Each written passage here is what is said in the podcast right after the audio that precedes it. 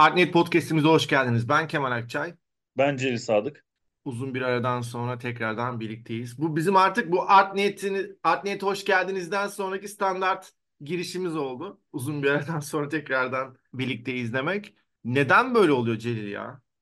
Ara sıra ara vermek iyi oluyor. Bir konu birikiyor. İki çok yoğunuz. Sen ayrı koşturuyorsun, ben ayrı koşturuyorum. Hele ki e, yani hani senin programın tam olarak bilmesem de görüyorum yani. İşte senin de her hafta bir şeyler var. Koşturuyorsun. E, Bir de e, bende de bu aralar hep öyle oldu. Yani her hafta sonu bir yerdeydim. Bir İstanbul'daydım, bir Ankara'daydım. Hafta içi seminerler, atölyeler.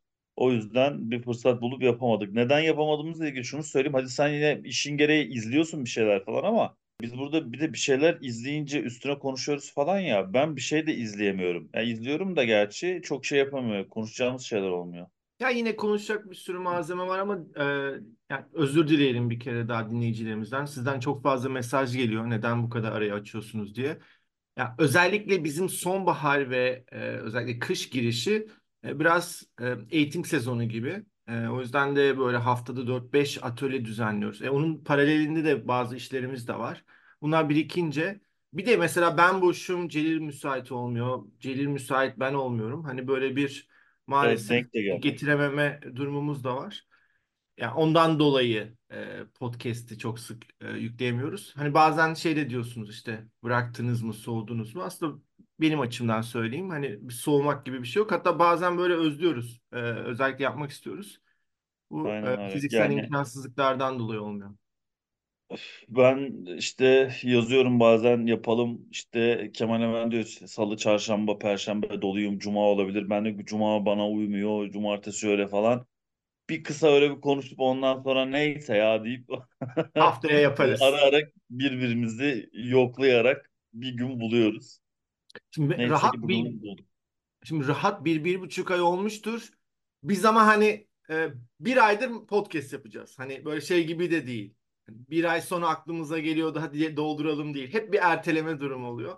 Ama her neyse şimdi bir şekilde denk geldik. Bir cumartesi öğleninde buluştuk. hı. E, dediğim gibi daha öncesinde planlıyorduk ama dün akşam Celil bana mesaj attı. Dedi ki ben Poor Things, Zavallılar filmine gidiyorum. Hadi sen de git. Yarın e, onu konuşuruz. Ben de zaten bilet de almıştım yani gitmeyi de düşünüyordum. Süper denk geldi. O yüzden de bugün e, çok konuşulan Lantimos'un son filmi Zavallıları konuşacağız. E, kendi kendi aramızda hiç konuşmadık. Hatta böyle Celil e, filmin arasında bir mesaj attı. Dedim hiç karıştırma podcast'te kalsın. Çünkü bazen böyle hevesimiz kaçıyor. Veya o heyecanla e, ilk anlatma heyecanını kaybediyoruz. O yüzden ben mümkün olduğunca onu podcast'te ertelemeyi tercih ediyorum. Evet Celil, sen benden biraz daha önce izlediğin için bir iki saat sen başla. Nasıl buldun filmi? Ya şimdi dün çok, kendime çok basit sorular sordum. Mesela hani bir filmin e, nasıl, nasıl diyeyim ya hani böyle şimdi filmden çıktığım zaman atıyorum kendine sordun. Filmin e, şey nasıldı? Ya işte yönetmenliği nasıldı? Tamam oradan başladın. Bence çok iyiydi. İşte senaryosu, diyalogları nasıldı? Çok iyiydi. Genel hikaye nasıldı? O da çok iyi. Oyuncu performansları nasıl? O da iyi. Kostümler, o da iyi. CGI'lar çok güzel desteklemiş hikayeyi. Yani şey, kurulan dünya. Hani böyle şey gibi. Bak mesela Batı sanatında ben bazen şey anlatıyorum. İşte Rubens resimleri vardır tamam mı? İşte Rubens resimlerinin ön planını Rubens yapar. Arka planını da manzara resminde uzman birini çağırır ona yaptırır. Ee, hani manzara yapmaktan çok hoşlanmaz. Sanki böyle Kubrick'le Tim Burton el ele verip de bir film çekmişler gibi hissettim tamam mı yani? İkisi birbirine geçmiş gibi böyle. Güzeldi ben çok keyif aldım. Ee, şimdilik o kadar söyleyeyim. Senin yorumlarını da dinleyeyim sonra sana sorular soracağım zaten. Ee, şimdi tabii ki beklentim yüksekti. Ee, film ekiminde benim gitme şansım vardı fakat son anda e, başka bir organizasyona gitmem gerektiği için izleyememiştim. E, orada ama izleyen arkadaşlardan genelde olumlu e, yorumlar alıyordum. Bir de Venedik'te Altın Ayı almış bir filmden bahsediyoruz. Yani hem bir Hollywood e, kısmı var, ana akım kısmı var hem de festivallerden de ödülle dönmüş. E, bu şekilde başladım. Şimdi filmi izlemeye başlamadan önce e, şundan bahsetmek istiyorum. Ya sinema salonunda film izlemek çoğu zaman bana eziyete dönüşüyor. Hele ki şimdi fulldü tabii popüler bir film olduğu için. Ya 15 dakika konsantre olam 15 dakika konsantre olamadım filme geç kalanlar oldu. İşte e, mısır e, patlamış mısır yiyenler var. Birbirleriyle böyle hafif tartışanlar var. Cep telefonu. İlk 15 dakika gerçekten kabustu ve sevmiyorum. Hele ki salon fullse ekstradan e, bir e, eziyete dönüşüyor. E, bu şekilde film başladı. E, film bir kere çok eğlenceli. Şunu da e, ilk baştan söyleyeyim. Salondaki insanlar film bittikten sonra çok mutlu ayrıldılar. Yani ee, Evet. özellikle böyle duyuyordum. Alkışlayanlar oldu. Ee, o anlamda e, genel seyirci tarafından takdir gördüğünü rahatlıkla söyleyebiliriz. Benimkisi biraz karışık. Ee, ben de gerçekten filmi izlerken çok eğlendim. Ee, çok komik, garip tespitler var. Ee, ve yani günümüze ait her ne kadar böyle fantastik diyebileceğimiz bir film olsa da günümüze dair, kadın olmaya dair güzel tespitler var filmin içerisinde. Fakat e, filmde sevmediğim bazı şeyler vardı. Şimdi Lantimos'u da birazdan konuşuruz ama doğrudan söylediği bazı şeyler var filmin. Yani mesajını bazen diyaloglar üzerinden didaktik bir şekilde bize aktarmaya çalışmış. Özellikle ikinci yarısından sonra. Bu kısımlar hafif biraz rahatsız etti. Çünkü Lantimos kapalı anlatımla bunu ortaya koyan bir yönetmen. Ee, ama o açıdan hani düşünüldüğünde e, özellikle filmde eğlenmek istiyorsanız kesinlikle e, film size göre. Bir anlamda da dediğim gibi hani politik bir katmanı da var. Biraz önce böyle sen tek tek saydın işte yönetmenlik, oyunculuk vesaire gibi şeyler. Ee, katılıyorum. Ee, gerçekten teknik anlamda çok başarılı bir film. Fakat ben o CGI kullanımını beğenmedim. Mekanlar fazla yapay duruyor ve bu yapaylık bu arada filmde gerçekleri gerçekçilik e, iddiasında değil. Ama bana böyle çok ucuz gözüktü ve biraz bilgisayar efektiyle yapıldı. Çok e, kör göze parmak e, olması tabii ki de belli yani. beni Hani bu uzaklaştırdı. arada Benim hiç hoşuma gitmeyen bir şey. Bir şey daha söyleyeyim ondan sonra sen yine e, daha detaylı bir şekilde yorumlarına devam edersin. Son, ya evet bu bir kadın filmi ve son yıllarda kadınların merkeze alındığı, kadınların meselelerinin merkeze alındığı hikayeleri çok sık rastlıyoruz. Ama film şunu çok fazla yapıyor. Ee, mesela yine bir zenci kullanımı var. Ondan sonra yine o kadınlık meselenin ön plana çıkartılma meselesi var. Toksik erkekliğin sonuna kadar gözümüze sokulma durumu var. Bazı politik mesajlar var. Yani Lantimos tribünleri oynamış.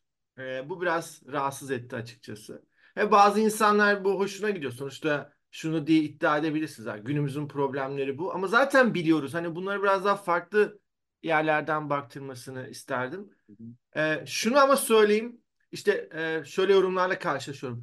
Lantimos e, böyle büyük bütçeli filmler yapınca işte Hollywood'a gidince biraz işte kendi o ilk zamanlardaki nitelikli filmlerinden koptu diye. Şunu rahatlıkla söyleyeyim. Bu bir arkadaşlar klasik bir Hollywood filmi değil. Çünkü bir porno filmden daha çok penis görüyorsunuz.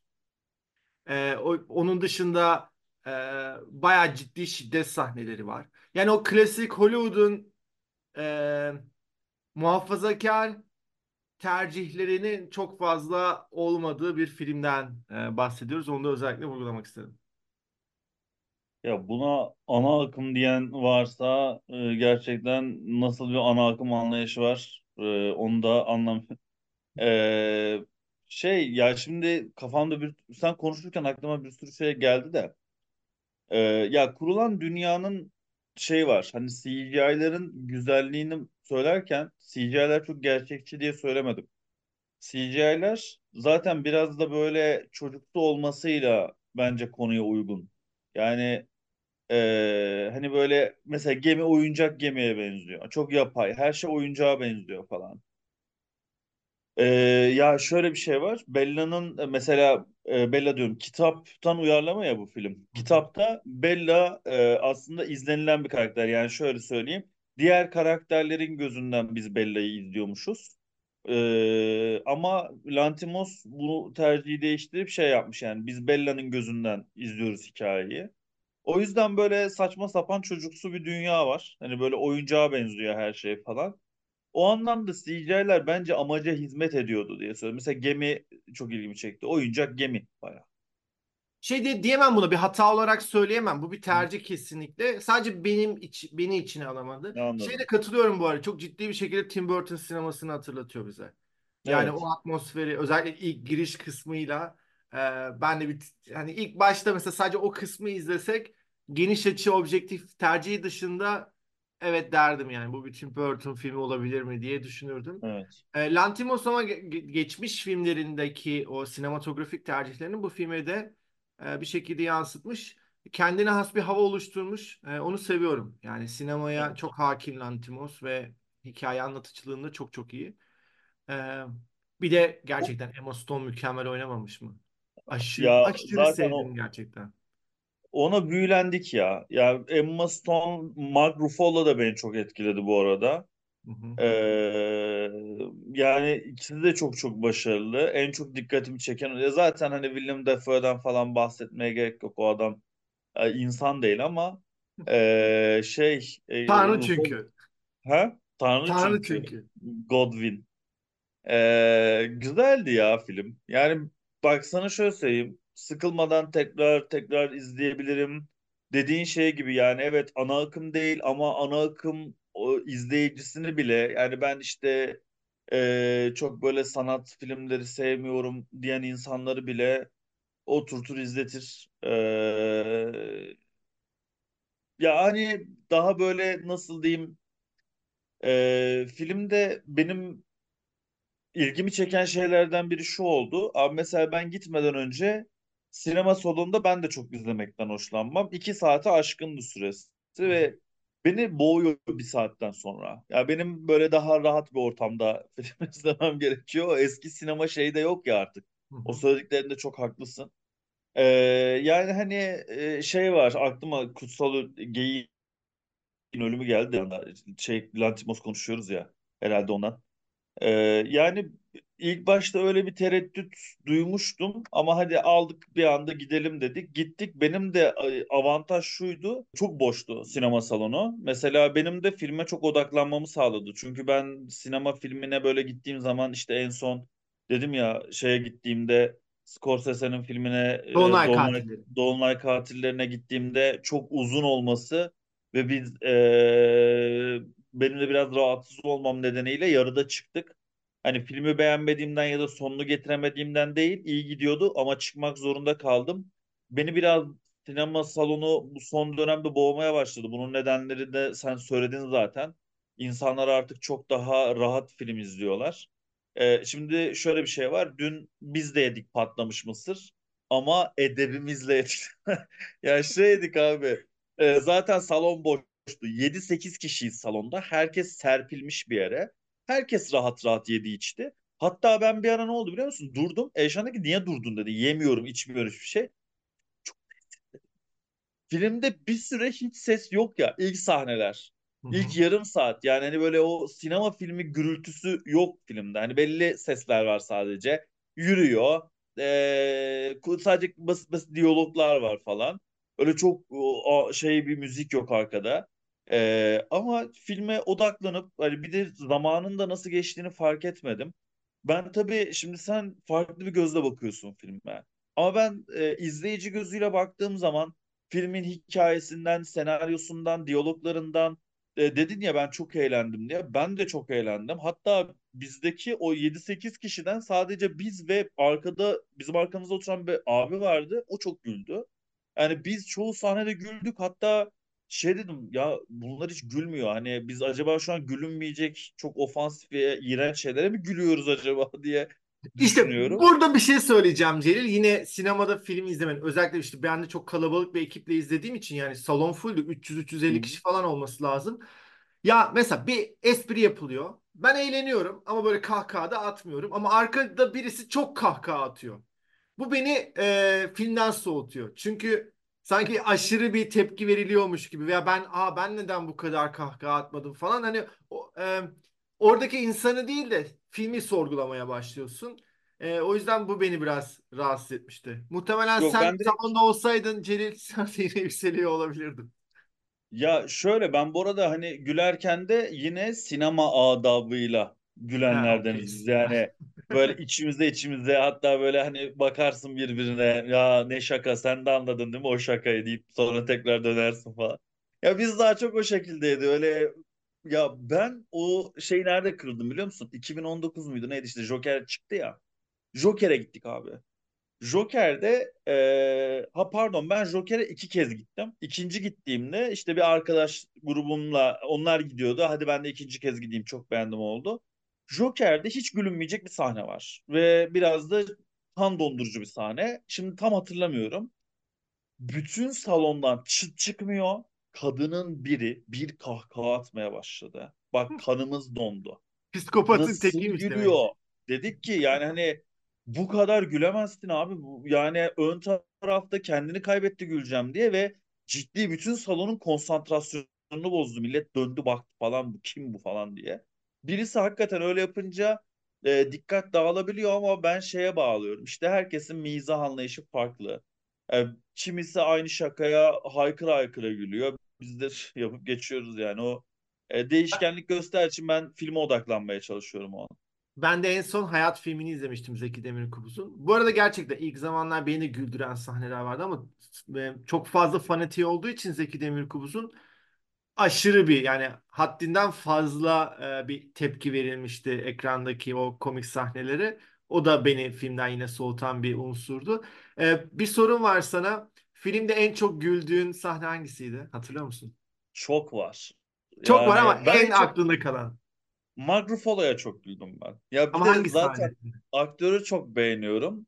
Şey e, en güldüğüm e, ya Ruffalo'yla böyle Paris'te hani biz şimdi ne bok yiyeceğiz e, muhabbeti var ya Paralarının bittiği ve o bankta Evet. oturduğu sahne mi? E, oralara çok güldüm. Bir de şey çok komik abi. Şey mi Hani bu para getirdiği sahne mi? para getiriyor da ha işte fahişelik yapıp paramı kazandın falan.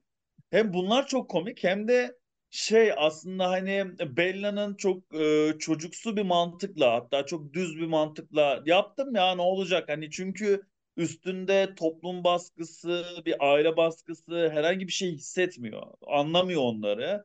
Hani şey diyor ya ha bunlar işte edep kuralları mı? Ne diyordu? Bir şey diyor. Ha şey e, e, şey yaşam sivil e, ha, medeni yaşam. Hı hı. e, medeni hayat deyip geçiyor onlara. Hani onun bile ne olduğunu bilmiyor aslında. Sadece ismi o ve bunu yapmaması gerektiğini biliyor.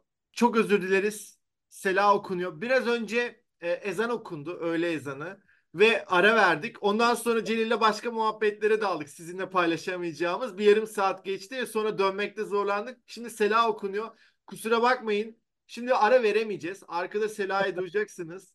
E, yoksa yani podcast'i bitiremeyeceğiz. Lütfen Celil devam edersen sevinirim. Evet, e, ya şey işte bu e, orada hani medeni yaşam diyor ama medeni yaşamın ne olduğunu tam bilmiyor. Yani sadece e, ona gerektiği kadar öğretmişler. E, tam anlamasa bile bu kurala uyması gerektiğini düşünüyor.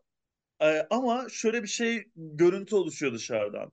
Çocuk beynine sahip olan Bella'nın daha olgun ve daha mantıklı olduğu, kaç yaşında bir avukatın e, aşk yüzünden düştüğü çocuksu haller, karşısındakini anlayamaması yüzünden daha fazla çocuk olması. Benim filmde en çok güldüğüm şeylerden biri hani Bella'nın çocuk olarak e, e, o şeyle karakterle çıktığı yolculukta aslında erkeğin hala çocuk olması. Hatta biraz onun şey vardı. Hani erkekler geç olgunlaşırı. Ee, bir kere komple o komik. Yani e, çocuk zekasına sahip bir kadının e, zeka geriliğini fark etmiyor abi. Adam Şunu söyleyelim bu geriliyor. arada filmin başı olduğu için bunu söyleyebiliriz. Ee, hamile bir kadın intihar eder. Sonra da işte Frankenstein e, temsili diyebileceğimiz Tabii. Dafoe'nun oynadığı karakter onu alır ve çocuğun o doğacak çocuğun beynini anneye aktarır. Evet. Dolayısıyla da Emma, Emma Stone'un oynadığı Bella karakteri ise e, artık böyle e, aslında yetişkin bir bedene sahiptir fakat çocuk aklına sahiptir ve artık her şeyi yeniden öğrenmeye başlar. E, Evet. burada da aslında rolleri bence yani kimlik rollerini e, ve toplumun aslında nasıl bizleri yönlendirdiğini göstermesi açısından çok zekice. Ee, Çok. benim de en çok güldüğüm sahne bunlar bir akşam yemeğindeler ve yan masada çocuk ağlıyor ya ve sonra kalkıyor ben şu yumruk çocuğu atacağım diyor yumruk atacağım diyor. Gerçekten şunu görüyorsunuz. Film çok absürt ama Bella'nın bazı hareketlerini siz günlük hayatta da yapmak istediğinizi ama gerçekten o söylediği toplumsal baskı dan dolayı yapamadığımızı yüzümüze vuruyor olması çok çok e, başarılı gerçekten de. E, bu arada film çok sert. Böyle neşeli bir şekilde anlatıyoruz ama yani e, mesela mastürbasyon bu kadar mastürbasyonun ön planda olduğu ve bununla ilgili e, konuşmaların yapıldığı, görsellerin ortaya konulduğu bir film ben hatırlamıyorum. E, dediğim gibi erkek çıplaklığı, kadın çıplaklığı çok net bir şekilde önümüze sunuluyor ve Sonuna defalarca sunuluyor. Efendim? Ee, sonuna kadar kullanmışlar ve bence filmin şeyle çok iyi olmuş. Çünkü e, cinselliği keşfetmek olunca söz konusu olan bunu çok üstü kapalı bir şekilde ya da görsel olarak en azından kapalı bir şekilde göstermek saçma olurdu. Evet bu konuda Ee, çok cesur ve onu takdir etmek lazım. Ama yine de bazı kişileri rahatsız edebileceğini de söyleyebilirim. Bu arada en çok güldüğüm sahnelerden biri o e, kahvaltı ederken mastürbasyon yaptığı sahnede e, aşırı ben gülmüştüm. orada da çok güldüm ama benim favorim Mark Ruffalo'nun sahneleri. Bir de şey çok iyiydi. Tokat atıyor ya bir tane.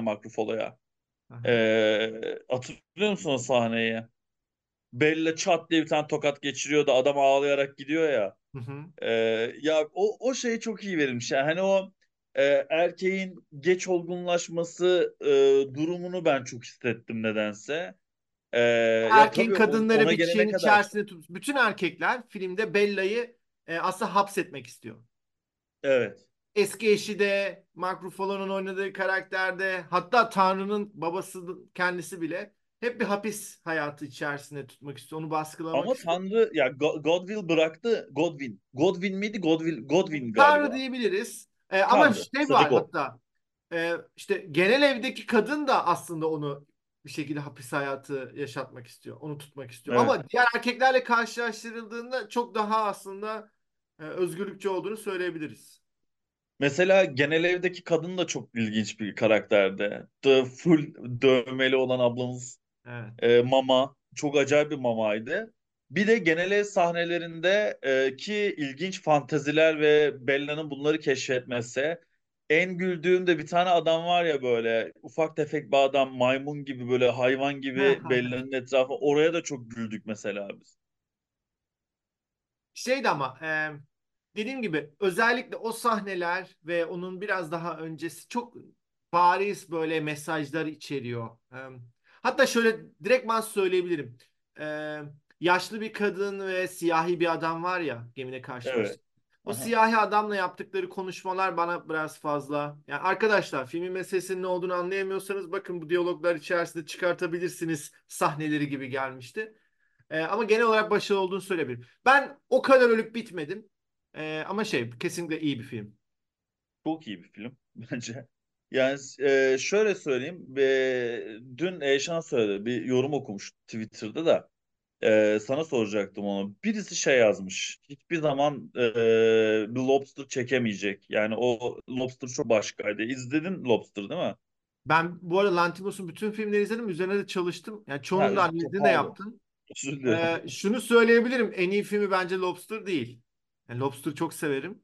Ee, ama Dogtooth hatta bence en iyi filmi Alpler'dir. En az sevilen filmi. Ee, çok sert ve biraz daha izlemesi zor. O yüzden hani genel seyirciyi anlayabiliyorum. Ama Dogtooth mesela başka bir seviyedir sinema tarihi. Lobster da çok iyidir. Ee, ama mesela Killing of a Sacred Deer için aynı şeyi söyleyemeyeceğim. Onun çok daha defoları var. The Favorite'ı severim. Bu daha The Favorite'a daha yakın bir film. Ee, ben de zaten şöyle dediğim gibi ben burada film izleyicisi olarak konuştuğum için sadece hani ee, Alpler dışında hepsini izledim ben de. Benim de en sevdiklerim Favorite ve bu oldu. Yani çünkü daha ana akıma yakın olması. Evet. ee, ben çünkü hani çok böyle sinematografik olarak ya da şey olarak kafa yoramıyorum ee, belli bir süreden sonra. E, zaten çok işte yoğun çalıştığım için yani film beni alsın götürsün. Ben işte aman sinematografi şöyle yönetmen bunu yapmış işte senarist aman bunu konuşturmuş gibi şeylere çok dalamıyorum. O yüzden e, şey de mesela Killing of a Sacred Deer'i beraber e, analizini yapacakken hatta ben analizini yapmayacaktım tabii de hani, hani mitoloji konuşacakken seçtiğimiz bir film olduğu için izlemiştim.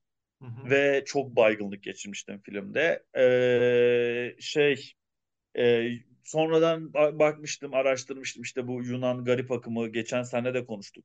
Ee, işte bütün oyuncuların garip davranması, garip bir atmosfer olması birçok insana belki iyi gelebilir, hoş gelebilir Ya bir ama alegori yapıyor aslında. Bu bir farklı evet, olsun diye yapılmış bir şey değil. Burada da Lantimos bambaşka bir sinema dili ortaya koyuyor ama aslında günümüze dair e, şeyleri daha net bir şekilde fark etmemiz için. Mesela şimdi herhangi bir sahnede yani film normal bir hikaye içerisinde olsaydı ve bir kadın gelip ben bu çocuğu işte yumruklayacağım diyor olsaydı yan masada ağlayan gülmezdik veya şey yapmazdık ama Bella üzerinden bu hikaye deneyimliyor olmak ha evet aslında hepimizin böyle düşünceleri var ama biz bu düşünceleri ayıp olur, günah olur vesaire gibi şeylerden dolayı kısıtlıyoruz deneyimini yaşatıyor. O açıdan çok başarılı ve gerçekten şu da çok önemli. Bu kadar niş bir şey yapmasına rağmen, avantgard bir şey yapmasına rağmen genel seyirci yakalayabiliyor olması mükemmel bir şey. evet. Lantimos'un ee, başardığı en önemli şey bu olduğunu düşünüyorum. Yani e, çok şey yorumlar var. Mesela adamla ilgili işte Lantimos'la ilgili aslında işte bir yol buldu ama tamamen Hollywood için çalışıyor aslında. Yani o, o seviyeye, o, o yönetmen olmak istiyor. Ee, Arkadaşlar şunu söylemem lazım. Ee, özür dilerim lafını böldüm Celil ama yani siz bir film yapmak istiyorsunuz. 5 milyon ve bir sürü hayaliniz var.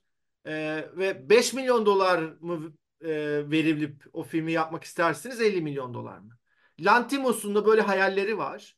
Ee, o yüzden de bunu Hollywood onu sağlayabildiği için bu şekilde filmleri çekiyor ve kendinden de bence taviz vermiyor. En azından sinema dili anlamında. Şu var. Tam da bu zamanın ruhuna uygun bir film. Yani tam da bu kadın haklarının çok konuşulduğu bir dönemde e, Bella karakter üzerinden bunu anlatıyor olması tesadüf değil. The Favorite da yine aynı şekildeydi. E, ama şey de söyleyebiliriz. Yani çok riskli bir sinema dili kullanıyor. Ve bunu çok başarılı bir şekilde yapıyor. Ruhunu yani Hollywood'a satmamış aslında. anladım. Ya işte öyle Bence. yorumlar var işte Hollywood'a sattı gibi. Ee, ama bilmiyorum hani Favorite'la bu işte Poor Things ne kadar Hollywood o tartışılır dediğin gibi değil yani. Hani niş bir şeyi e, herkese izletmek ya da bu janrayı sevmeyen işte e, film izleyen ama ne bileyim hani ben filmi sadece eğlenmek için izliyorum diyen e, insanlar için bile e, bir noktada çok tatmin edici olabiliyor e, filmleri. Ne bileyim ben çok keyif aldım ya filmden. Genel anlamda e, şey hem harcadığım zamana, paraya, her şeye değdiğini düşündüm. Çıkınca dediğin gibi çok mutlu ayrıldım. Hemen filmle ilgili aman bir şeyler izleyeyim, okuyayım, araştırayım. E, peki Oscar'larına ne diyorsun? Yani kaç Oscar alır, nelerden alır? Ya kaç Oscar aldığının çok bir önemi yok ama ben büyük bir aday olduğunu düşünüyorum. E, Oppenheimer'ı hiç sevmediğimden bahsetmiştim zaten ama e, onun lobisi çok yüksek. E, o yüzden belki ona verebilirler. E, ama ben Poor Things'in çok ciddi bir aday olduğunu düşünüyorum. E, özellikle yönetmenlik dalında da e, bayağı bir şansı varmış gibi geliyor bana. Anladım. Peki Poor Ama teknik Things'le dallarda da yine bayağı bir zorlar. E, yani Bakacağız. Ya bir de şu var. Şunu mu soruyorsun yani Oscar kimi seçerler artık ben o kadar ilgilenmiyorum. Ama şeyle ilgileniyorum yani. Sence kim alır sorusunda eee, hani ona cevap verebilirim. Ya işte atıyorum en iyi film. Oppenheimer mı alacak, e, Poor Things mi alacak? Ya da en iyi işte e, şeyleri mi mesela Emma Stone'un rakipleri şu an kimler bilmiyorum. Çok takip ettiğimden Şimdi değil söyleyeceğim ama ama yönetmenlikle başlayayım. Eee, tamam. bence Anatomy of a Fall ve Zone of Interest'in yönetmenliği müthiş. Ama bunlar daha yabancı filmler olduğu için çok şansları yok. Martin Scorsese verileceğini hiç zannetmiyorum çünkü Killers of the Full, e, Dolunay Katilleri biraz zayıf bir film. E, sen yarıda çıkmışsın ama ya ben sonuna kadar getirdim. Çok zorlandım ve çok sıkıldım. Konu hiç benim ilgimi çekmedi ve gerçekten film çok daha kısa olabilirmiş. Ben Oppenheimer, Christopher Nolan'la Yorgos Lanthimos arasında olduğunu düşünüyorum ve Yorgos'un e, bir adım daha önde olduğunu e, söyleyebilirim. Kostümde çok büyük şansı var ama orada da Barbie var. E, Barbie'nin bir şeyi olabilir. Ya Barbie'yi izlemedim ama e, Furt, yani sadece gördüğüm kadarıyla bile söyleyebilirim abi. Furtings o konuda vermezlerse hakkını yemiş olurlar gibi geliyor bana. Sinematografide ben Oppenheimer'ın alacağını düşünüyorum. Hoyte van Hoytema'nın. E, Poor Things'in e, özellikle bu biraz önce beni rahatsız eden kısım başka seyir, e, başka oy veren kişileri de rahatsız etme ihtimali var. E, ondan dolayı e, şansı biraz Bir şey soracağım. Oppenheimer'da ne var abi şey olarak? Ne var? Ya ödül alabileceği iyi yaptığı ne var o konuda? Mesela sinematografi gerçekten çok iyi Oppenheimer'da.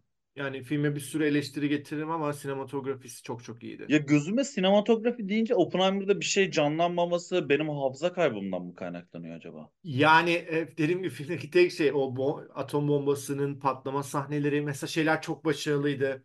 Ee, özellikle Cillian Murphy'nin yakın planları. Ee, genel olarak s- mesela renk renk skalası çok başarılı bir şekilde yapılmıştı. Ee, temiz bir görüntü var. IMAX'e çekilmesinin bir avantajı var. Sinema diline çok katkısı bence yok sinem e, sinematografinin ama yine de e, birçok oy veren kişi de oyuncu olduğunu düşünürsek Atom bombasının patlama sahnesi evet işte e, CGI kullanmadık şu bu ama okey yani çok yeni bir şey görmedim ya da beni çok Bilmiyorum yani benim etkilemedi onu görüşüm söyleyeyim. Şey de alabilir, Poor Things de alabilir. Aktörde, aktriste şöyle bir aday, e, aktriste şöyle adaylar var. Lily Gladstone var, Killers of the Flower Moon'da, e, Dolunay Katillerinde. Ben onun pek e, alacağını düşünmüyorum. Maestro'yu izlemedim. Nihat diye bir film var, Annette Bening oynuyor, onu da izlemedim. Sandra Hüller, e, Sandra Hüller, e, Anatomy of a Fall ve Zone of Interest'te yani iki büyük filmde de başrol oynamıştı. Alman olması bir dezavantaj. E, ama iki filmde oynadığı için ben bir şans olduğunu düşünsem de Emma Stone çok net alacakmış gibi geliyor. Ama tabii ki şeyi izlemedim yani. Carey Mulligan'la Annette Bening'i izlemedim. Ama şu anda bence Emma Stone bayağı önde.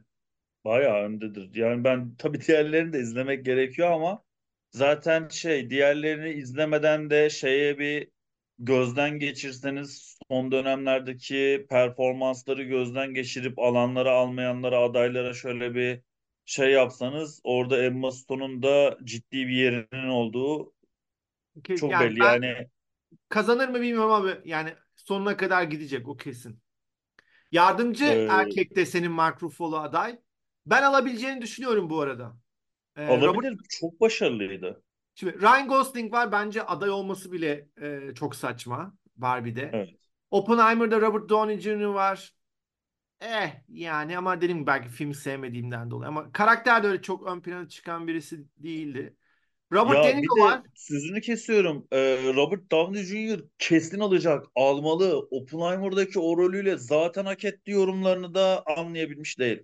Ya o Oppenheimer'cılar Christopher Nolan'cılığını söyledi. Yoksa Robert Downey Jr.'ın böyle müthiş bir oyunculuğu yok. Yok Robert ya normal düz oynamış. Robert De Niro olabilir ama. Ben bu arada çok beğendim. Ee, bayağı iyi bir kötü adam oynuyor. E, Dolunay Katillerinde. Bir de yaşından da kaynaklı e, son bir ödüllendirelim demek olabilir. Yani Robert De Niro o arada o anlamda e, ön planda olabilir. Ama Rock- Mark Ruffalo da eğer Poor Things bayağı bir sevilirse Mark Ruffalo da aradan sıyrılabilir. Yani bilmiyorum ben ikisini de çok beğendim. Özellikle ikisini aşırı aşırı beğendim zaten. Ee, şey sahnesi mesela Bilmiyorum hani çok belki oyunculuk adına bir sahne olmayabilir ama daha etkili sahneler vardır başkaları gözünde. Şey sahnesinde bile çok etkilendim o oyunculuğundan. Adam e, ilk kez dışarı çıktığı zaman bunun nişanlısı kurbağa gösteriyor ya. Hı hı. E, verdiği ilk tepki ve sonrasında söylediği o sözü sö- ya o heyecanı görüyorsun. Ya çocuk resmen ya. Hani inanılmaz gerçekten. Zaten bütün o e, yürümesi, konuşması, genel davranışları, bakışları diyecek söz yok. Yani sadece o, o performans için bile sadece tekrar izlenir. Evet ya gerçekten e, çok çok iyiydi. Ee, pardon. Ya son yıllarda izlediğim en iyi performanslardan bir tanesi. Bu arada An- Anatomy of a Fall'daki Sandra Hüller de çok iyidir. Ama hani e, yabancı bir film olduğu için onun şansının düşük olduğunu düşünüyorum. Anladım. Ee, ya ben açıkçası ona verebilirdim ama ya Emma Stone'la baş başalar gibi. Emma Stone'un rolü gerçekten çok zordu. E, o açıdan hakkını vermek lazım. Çok zor. Bir de ya Emma Stone e, kariyerinin ilk başından itibaren bakıldığı zaman bu seviyelere gelebileceğini düşündüğüm bir oyuncu değildi. E, en azından kendi açımdan söyleyeyim. Yani hani e, sempatik biri gelirdi hani genel oyuncu. E, ama oynadığı filmlerde ben çok büyük bir fark yarattığını bugüne kadar görmemiştim. Ta ki Favorite'a kadar aslında. Favorite'da dedim ki ya bunda da ne cevherler varmış dedim ama bu filmde çok başka bir seviye gerçekten. Belki biraz Birdman'de söyleyebiliriz ama orada bile bence çok şey değildi. Bilmiyorum ya da bana çok beni çok etkilememişti. Ya iyiydi ama böyle bir ekstra. Yani o Emma Stone, ya Birdman Emma Stone'un filmi değildi. Değil Yani evet. La La Land'de fena oynamamıştı. Help'te çok iyiydi. hı. Ee, ama yani şu ana kadar benim de e, izlediğim performanslarına baktığımda bu filmin en iyi filmi olduğunu söyleyebilirim oyunculuk anlamında. Ryan Gosling'de bir filmi vardır onun şey La La Land işte. Hayır hayır bir tane daha var. Komedi Ee, şeyin e, oynadığı adamın adını da unuttum ya. 40 yıllık bekardaki başrolün adı neydi? Steve Carell. Steve Carell'ın e, başrolde olduğu e, Ryan Gosling, Emma Stone bir tane film var. E, o filmin adını unuttum. Aha, Cra- Crazy Stupid Love diye bir romantik komedi filmi var. Ha onu E, izlemedim. çok komik, çok eğlenceli film bu arada. İzle onu. Yani öyle tam keyif, böyle kafa boşaltmalık film. Ben çok gülmüştüm. E, şey gibi aslında. 40 yıllık bekarın daha modern bir versiyonunu düşün. Hı hı. Ee, ve işte mesela o filmi izlediğim zaman e, ya da Emma Stone deyince hep o tarz filmlerde oynayacak biri gibi gelirdi bana. Hani romantik komedi kızı e, gibi gelirdi ama artık şu iki filmden sonra Emma Stone'un da alacağı rollerin çok değişeceğini, onu böyle çok acayip yerlerde izleyeceğimizi düşünüyorum. Zaten şu an A sınıftı. Ee, yani Oscar adaylıkları da vardı. Hı Ama evet yani bambaşka bir seviyeye, efsane statüsüne e, ulaşmaya doğru adım adım gidiyor.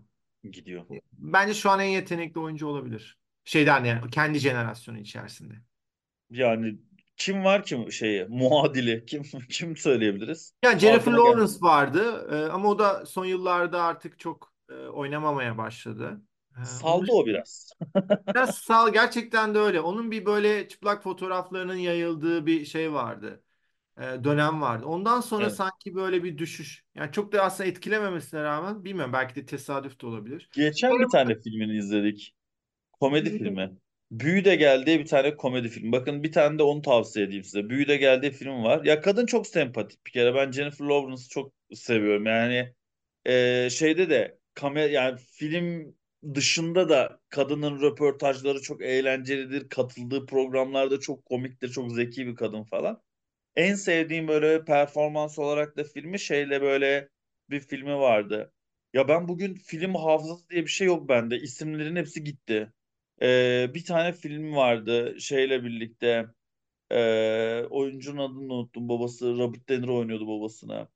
İkisi de şeydi bipolar gibiydi.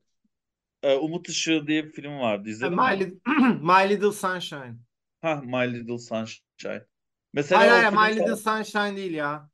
Bir dakika. Umut Işığı diye çevirmişler Tamam Türkçe'ye tamam de. bir dakika.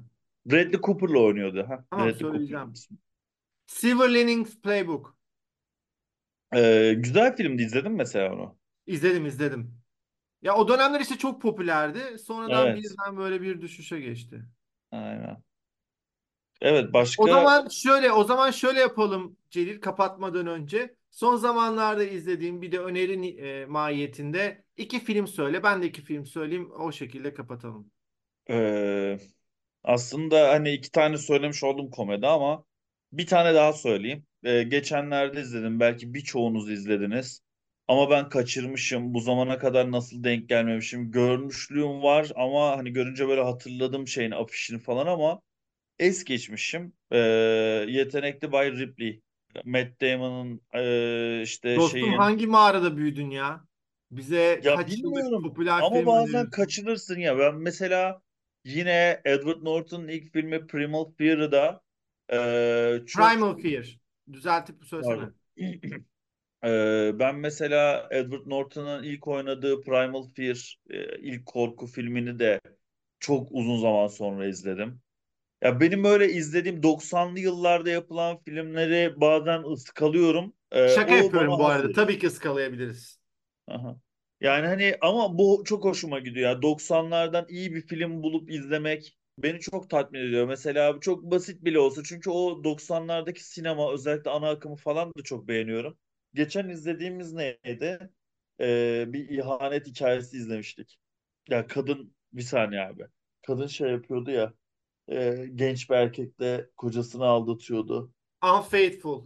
Sadakatsiz. Evet, tamam. oynadı. Ee, Unfaithful filmini de kaçırmışım mesela ben.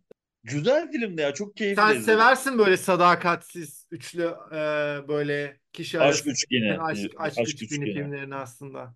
Entrika. Aslında Eyşan seviyor onu. Ee, bana dedi ki işte böyle bir film buldum. ihanet falan filan var diye. Ya şey izliyoruz bazen. TLC Büyük İhanet. İtalyanların biliyorsun. Yok bilmiyordum hiç. Ba- Bayağı komedi programı gibi açıyoruz onları izliyoruz şu Ee, Unfaithful diye bir film varmış izleyelim falan dedi. Sen kesin izlemişsin falan dedi. Bir baktım hayır dedim izlemedim. Ama çok keyif almıştım mesela o filmden de. 90'lar yapım filmleri çok seviyorum. Şey söyleyeceğim. The Man, The Man Who Sold His Skin. Derisini satan adamı izledin mi? Yok izlemedim. O zaman kesinlikle sana tavsiye ediyorum. Ee, iki sene önce e, Oscar'da yabancı dalda adaydı bu. Hı hı. Ee, bir adam e, mülteci Suriye'de işte Lübnan'a e, kaçıyor. Orada da bir sanatçıyla karşılaşıyor ve sanatçı e, bu adamı bir sanat eseri olarak kullanıyor ve onu e, müzelerde sergilemeye başlıyor. Tam da senin konun çok ilgini çekebilir e, Celil. E, biraz yine tribünleri oynama durumu var ama ilginç. Hele senin gibi sanat tarihiyle ilgilenen, sanatla ilgilenen insanların ekstra e, keyif alacağını Tamam düşünüyorum. güzel tamam. Derisini satan adam. Derisini satan adam e, tabii ki şu an hani biraz yeni diyebileceğimiz bir film olduğu için hani böyle platformlarda bulabilir misin bilmiyorum ama belki torrentte e, rastlayabilirsin. Hani torrent kullanıyorsan. E, böyle sanatla ilgili filmlere denk gelince ister istemez böyle ilk aklıma sen geliyorsun. Acaba ne düşünürsün diye. E, eğer izleme şansın olursa da yorumlarını merak ediyorum. Güzel tamam onu da konuşuruz. Peki sana şey soracağım. Ee, Poor Things'e puanın kaç? Onun üzerinden. Yedi buçuk, sekiz gibi bir şey. Ya şöyle bir şey, bir kere daha izlemek istiyorum. Çünkü e, izlediğim e, şeyden dolayı, e, işte sinemada izlememden kaynaklı e, belirli anlarına konsantre olamadım. Bir de çok ön yargılı gittim. Yani çok öven, çok yeren, böyle hep başka insanların yorumlarını duyduğum için böyle bir yandan da bütün o detayları yakalamaya çalıştım. Böyle çok kendimi veremedim. Bir kere daha izledikten sonra notum daha netleşecek ama şu an vermek zorunda kalsam yedi buçuk sekiz derim sen. Ben sekiz buçuk dokuz falan veririm. Hı hı. Bu Ya arada dediğim çünkü gibi hani e, sonuçta biz tavsiye gibi de yapıyoruz. Salon kesinlikle benden daha çok daha büyük daha e, yüksek bir ben puan salonda dokuzdur büyük ihtimalle senin. Ya olabilir. Yani şey var. buçuk dokuzdur. Dediğim gibi abi yani oyunculuğunu beğendim. Genel hikayeyi be- beğendim. Senaryoyu beğendim. O diyaloglar çok akıllıca yazılmış. Kıyafetler muhteşem. Kurulan dünya. O çocuksu ve Bella'nın zihnini görüyor gibiyiz. Hani bir çocuğun çocuğun bakış açısı her şeye farklıdır ya. Ee, onun gibi bir dünya var. Ee, her şeyiyle beni böyle çok tatmin etti. Zamanın nasıl geçtiğini anlamadım. Güldüm, eğlendim, duygulandım. Daha ne olsun yani? Hani ben ee, bu duyguları yaşamayalı çok olmuş. Yani mesela işte gidiyoruz Oppenheimer ben sinirlenip çıkıyorum mesela anladın mı? Gidiyoruz Batman sinir kriziyle çıkıyorum falan. Yani son dönemde e, atıyorum Dolunay katilleri gidiyoruz. Neyse ya bunun da bir yarısı işte dedim ya biraz rahatsız hissediyorum. çıkayım gideyim ya ben bu filmden. Çünkü hani bu film belli ki çok da bir şey vermeyecek. Devamını evde de izlerim diyebileceğin bir film mesela. Ee, ki dedim çıktım. Düşünüyorum mesela cidden e, var mı son dönemde bu kadar her şeyiyle e, izleyiciyi tatmin eden hem de bu kadar niş olup bu kadar sanatsal değeri ön planda olup şeyden bahsetmiyorum. Marvel filmlerinden bahsetmiyorum yani. Burada bahsettiğimiz e, koca bir salonu doldurabilen niş bir filmden bahsediyorum ve bunu dediğin gibi bazen seyirciye tribüne oynuyor ama bırak oynasın zaten hani anlattığı konunun aslında entelektüel kesim tarafından tüketilmesine gerek yok ki. Anlattığı hikayenin biraz ana akıma da hitap etmesi lazım. Artık ana mesela kadın hikayesi. Kadın hikayesinde o mesajı alamayacak insanlara da çekiyor aslında. Yani bence Lantimos'un sadece ben entelektüel ve belli bir zümreye hitap edeyim kaygısından çok herkes benim sinema dilimi hem sanatsal bulsun hem de anlaşılır bulsun. Şeyi çok benzetiyorum ya Lantimos'u. Salvador Dali'ye, Pablo Picasso'ya. Onların da yaptığı ana akımdır biliyor musun? Yani aslında sanatta ana akımı yaparlar onlar. Ee, çok daha niş, çok daha sanatsal niteliklere sahip eserler ve sanatçılar arka planda kalırlar. Ama e, söylemleri, giyim kuşamları, ilişkileri ve magazinsel yönleriyle ve sanat eserlerinin sade, basit, anlaşılır ve herkese hitap etmesiyle bunlar ön plana çıkar. Bunlar yüzünden Almanya'da mesela Bauhaus, e, Duchter Werkbund kurulduğu zaman sanatın tanımını değiştirdiler. 1900'lerin başında. Diyorlar ki biz sadece sanatçı değil, zanaatkar da yetiştirelim. Bir sanatçı ee, iyi koltuk takımı nasıl tasarlanır? İyi çatal bıçak seti nasıl tasarlanır? Aynı zamanda herkes tarafından anlaşılır soyut sanat yapmaya itiliyorlar. Ne demek bu? Orta sınıf Avrupa'da zenginleşiyor, tamam mı? Özellikle Almanya'da. Hı hı. Zenginleştiği zaman insanlar neye bakarlar? Ee, sanata yönelirler. Sanat eseri alırlar. E, sergilere giderler. Yani refahla birlikte sanatın kapıları açılır. Ve orta sınıf zenginleşince Duchter Werkbund e, yani Bauhaus okulu anlaşılabilir, tüketilebilir soyut sanat diye bir şey çıkarttı. Renkleriyle aslında mesela e, Paul Klee'nin bu anlamda meşhur bir eseri var. Hani uzun zamandır sanat tarihi bahsetmiyorduk. Biraz şuradan gireyim dedim. Biraz kendi hani mesela şeyler var ya e, Kemal'cim senle de onları konuştuk ya falan. Hani böyle ben felsefeciyim sinemada izledim o zaman ben sinema felsefesi yapayım gibi bir, o zaman ben sanat tarihiyim o zaman sanat tarihi sinema eşleştirmesi yok kafama göre. Şimdi mesela şey var işte Dusterwerkbund'da Paul Klee'nin Akşam Ateşi diye bir eseri var çok uzatmayacağım. Akşam Ateşi'ne baktığın zaman bir gün batımı olduğunu anlayabiliyorsun. Resim soyut, güneş yok, dağ yok, toprak yok ama toprağın rengi var karelerle e, güneşin rengi var, gökyüzünün rengi var. Ve birisi baktığı zaman eserin ismini bile söylemesen sana neyi çağrıştırdı diyorsun. Sanattan hiç anlamayan adam da geliyor bakıyor diyor ki ben akşam havası seziyorum resimden diyor. E zaten onun tonları kullanıldığı için ressam aslında seni manipüle ediyor ve sen sanattan anladığını zannediyorsun. Ve eserini alıyorsun onu evine asıyorsun orta sınıf olarak. Bu hı. ana akım sanat dediğimiz şey. Yani aslında bana Lantimos'un yaptığı şey tabii bu kadar. Klee'nin yaptığı gibi değil ama hem sanatsal bir ağırlık hem de herkese hitap etme özelliği şeyle daha çok böyle işte Edward Hopper'a da benzetebilirim. Hani şey anlamında değil, tarz anlamında. Ee, içerik anlamından bahsetmiyorum. İşte Picasso'ya, Dali'ye de benzetebilirim. Ee, uygulamaya çalıştığı şeyi. O yüzden hani bazen tribünlere oynamanın gerektiğini de düşünüyorum. Çünkü O zaman şunu soracağım. Çok güzel bir konu, çekiyor. çok güzel bir örnek verdim bence. Konumuzla da çok alakalı.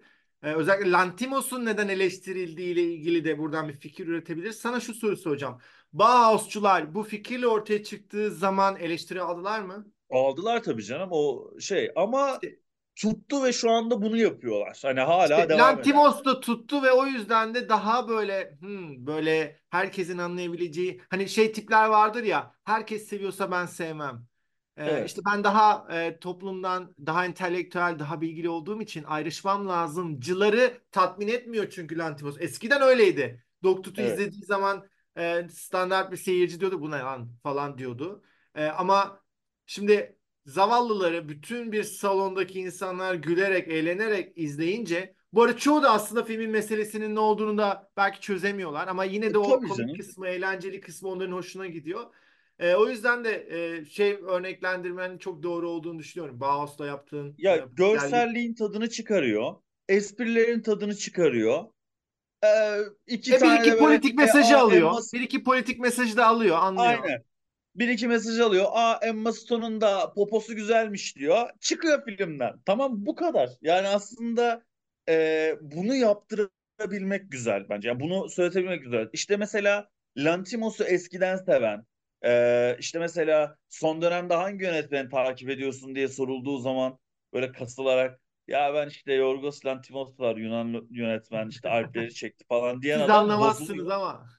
Ha, içine içine atıyor aynen. İçine iç bir bakıyor dediğin gibi bütün salon gülüyor. O benim Lantimos'um falan diyor herhalde içeriden.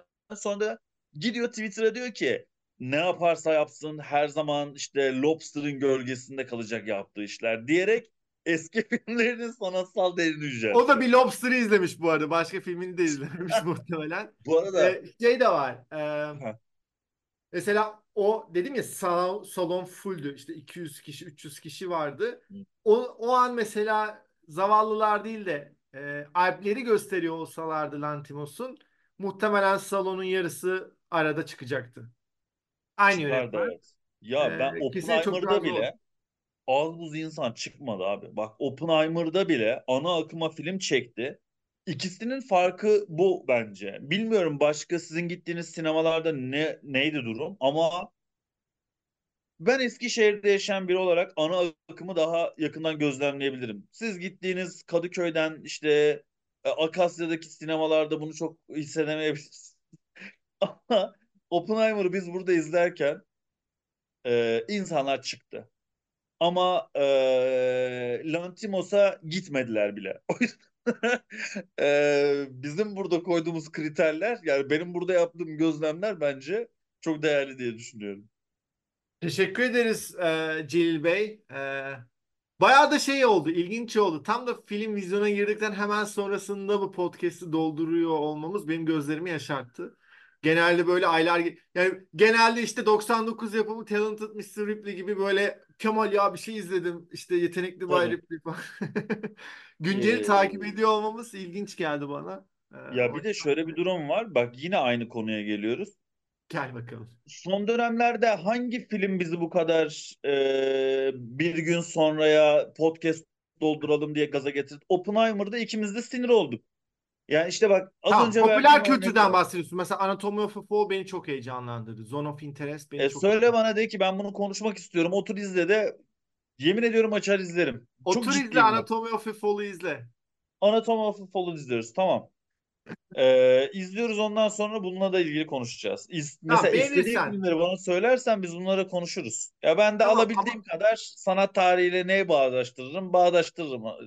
Celil'cim buluşabiliyor muyuz? 3 ayda bir podcast yapıyoruz. Sonra da diyorsun ki bana film söyle. Tamam tamam yaparız.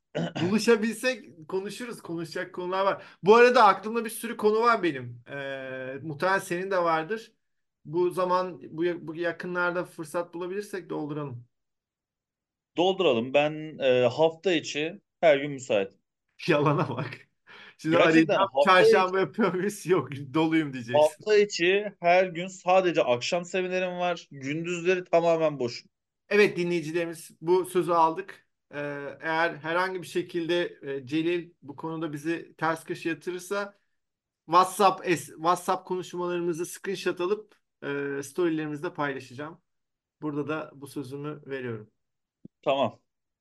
Kabul. Tamam. O zaman Hafta içi teşekkür görüşürüz. o Tamam. zaman teşekkür ediyoruz bizi dinlediğiniz için. Haftaya yeni bir bölümde görüşmek dileğiyle ve artık haf gelecek ay yeni bir bölümde görüşmek dileğiyle. Hoşçakalın.